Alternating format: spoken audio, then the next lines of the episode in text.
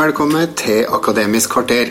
I dag skal vi se litt nærmere på det norske språksamfunnet. Navnet mitt er Stian Horstad, og jeg har med meg Britt Mælum og Rikke van Omren. Og alle oss tre er språkforskere på NTNU. Ganske nylig har vi eh, gitt ut bok sammen. 'Blikk for språk' heter hun, og der eh, tar vi for oss norsk språkvirkelighet fra flere forskjellige vinkler. For her er det mye å ta av. Det oss kan vel si at dette språksamfunnet er et eh, paradis for oss språkforskere, Britt?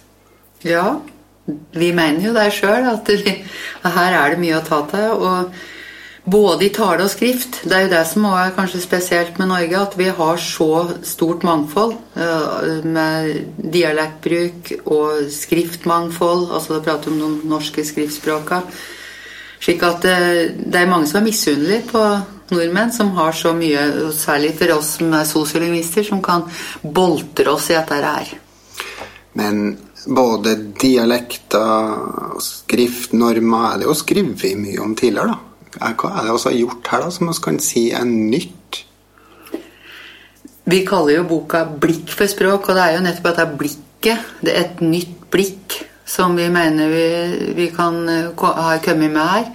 Og det er jo et sosiolingvistisk blikk, og det er, et, et, samfunnsperspektiv på språket, da, der vi, der vi ser språk som et sosialt, kulturelt symbolsystem. Signalsystem.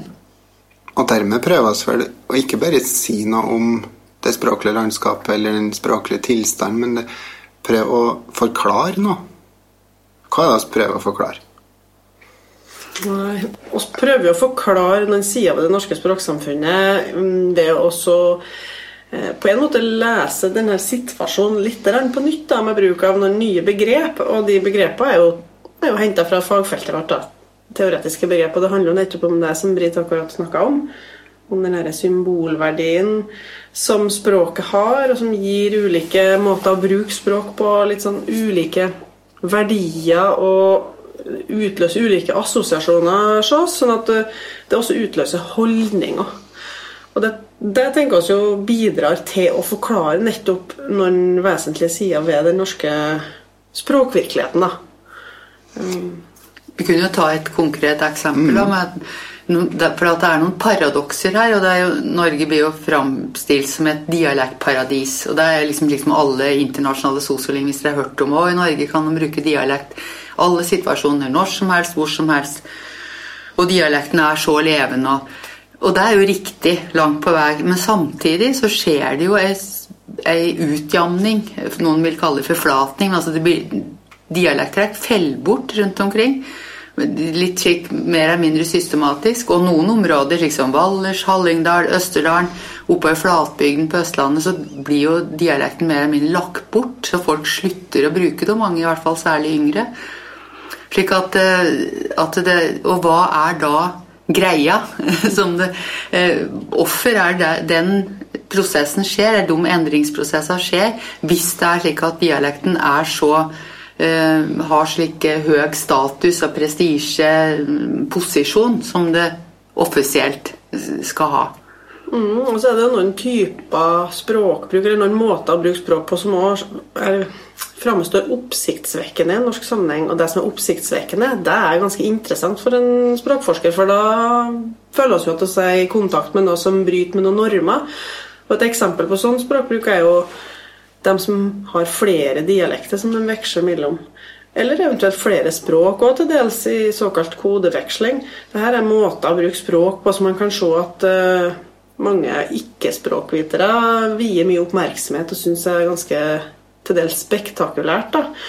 Og det sier jo også at her er det et eller annet det er et eller annet ved det språkbruk betyr da, i en sosial sammenheng, som, som, gjør at det blir oppsiktsvekkende. Så det er jo også et sånt side av det norske språksamfunnet som vi prøver å forklare med det her. Kan du gi et eksempel på en slik spektakulær eh, språklig oppførsel? da?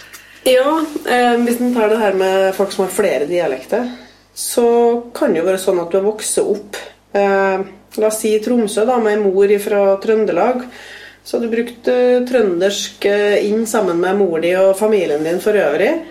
Eh, og Tromsø-dialekter når du er ute blant folk. Og da vil jo dem i nærmiljøet kjenne deg som en person fra Tromsø, både språklig og på andre vis, mens du da har en annen språklig kode som er reservert familielivet. Og når da den her trøndersken i det kommer til uttrykk i lokalmiljøet, så er det typisk noe som kan øh, vekke reaksjoner hos omgivelsene. For da signaliserer du plutselig noe litt annet, noe litt nytt. og det og noe inautentisk, vil noen si. 'Herregud, har du to dialekter?' liksom. Ja, det bryter med måten å tenke om språk og identitet på, ja.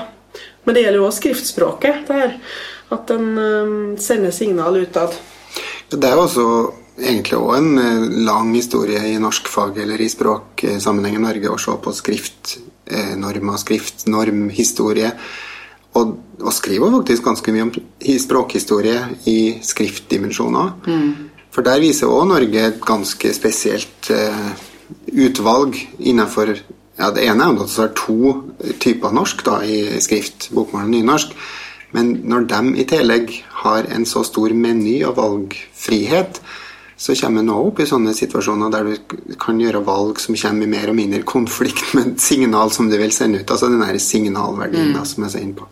Og der er det jo veldig interessant dette med det historiske, for det er jo helt klart at måten bokmål og nynorsk eller, eller riksmål og landsmålet ble etablert på, er jo en, en slik Det er jo vårt blikk som vi har brukt på denne prosessen der, og hvorfor var det akkurat Hva slags sosiale, politiske signaler lå til eller fundament hadde riksmålet da det ble etablert, slik som Knutsen gjorde det, og det samme med landsmålet. Det var jo en sosiokulturell prosess. Og det har det jo i dag òg, nettopp noe liksom mye av den lignende signaleffekt da, i dag. Vi, og det er jo veldig interessant å følge der, hvor, hvor eh, gjenstridig nesten disse historiske trådene her er. da. Så det er jo ganske mye i boka som er basert på mye språkhistorie, men ikke slik kjedelig 1907, 1917, 1938-reforma, men det er liksom mer dette er blikket vi prøver å bruke hele veien her.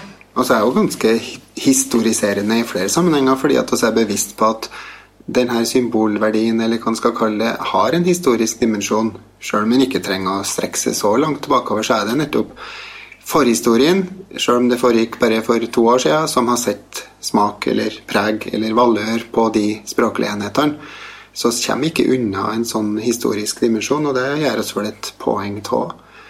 Et annet poeng er at når norsk ikke lever for seg sjøl, vi bruker nokså mye plass på at norsk i lang tid har møtt andre språk, og at i de møtene så skjer det noe mye forskjellig både i gammel tid og i vår tid samtida. Mm. Og da bl.a. inn på en sånn markedsmetaforikk, der vi snakker om språk omtrent som eh, handelsvare.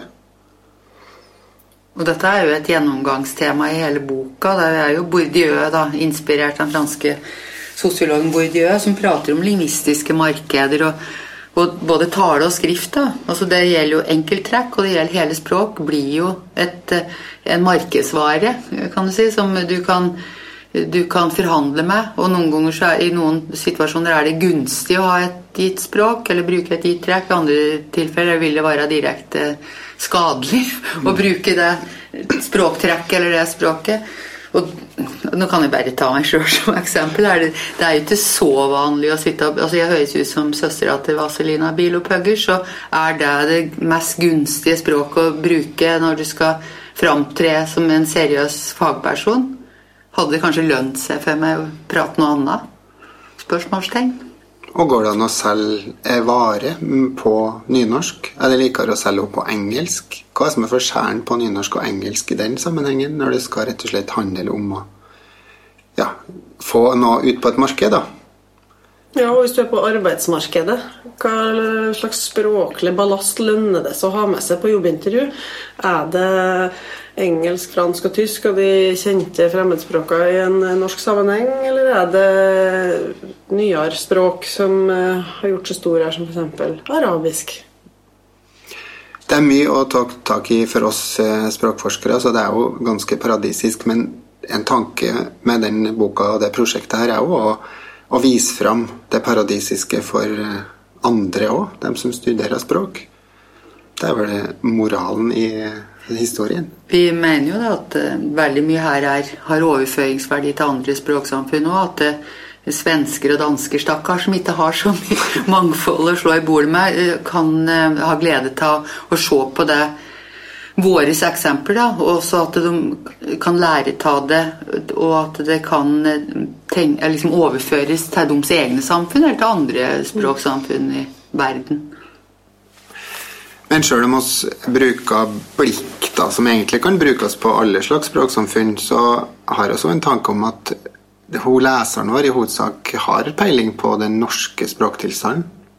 Ja, der har vi jo dette Vi ser jo på dette her som et slags supplement og et, et tillegg til like, mer tradisjonell norsk kunnskap. Da, som en, en, som skal undervise, det er jo framtidige norsklærere som vi, vi ser som lesere her og som skal undervise norsk ungdom i eh, en forståelse av det norske språksamfunnet. Og da er jo dette her et slags, en tilleggsdimensjon, et litt nytt blikk på noe som er kjent på andre måter, og som det står med andre bøker. Mm. Og som gir både et uh, nytt blikk da, på det norske språksamfunnet og et nytt språkblikk som en kan ta med seg i iakttakelse av språk mer generelt. Hva gjør det med en språkbruker å få det blikket, da? Bli klok. Bli, nei, men altså, det er noe med å få en forståelse da, for åssen historiske og nåtidige forhold henger veldig nært sammen. Det er jo, en, som jeg har nevnt før her, med det historiske. Men så er det jo noe med å, å, der, å få den der kunnskapen og, om, eh, om forhold, åssen det henger i hop, og at det, at det, er noe med Det er jo en slags forklaringsverdi òg som ligger inni det der blikket vårt, da, mener vi. Det er vel litt av det vi vil få fram hvordan språk funker, rett og slett. Hva det er du kan gjøre med språk, og hva språk gjør med oss i møte med andre, og ikke bare i Norge, naturligvis. Men nå brukes noe ganske sånne navlebeskuende grep her, fordi at det er mye å ta av i det norske. Jeg jobber i lærerutdanninga, og jeg syns jo det her blikket absolutt har noe for seg for den som skal stå i norske klasserom. Fordi når en skal um, skape meningsfulle læringsopplegg for barn og unge om språk, så forutsetter jeg at en sjøl er ganske bevisst på språklige forhold.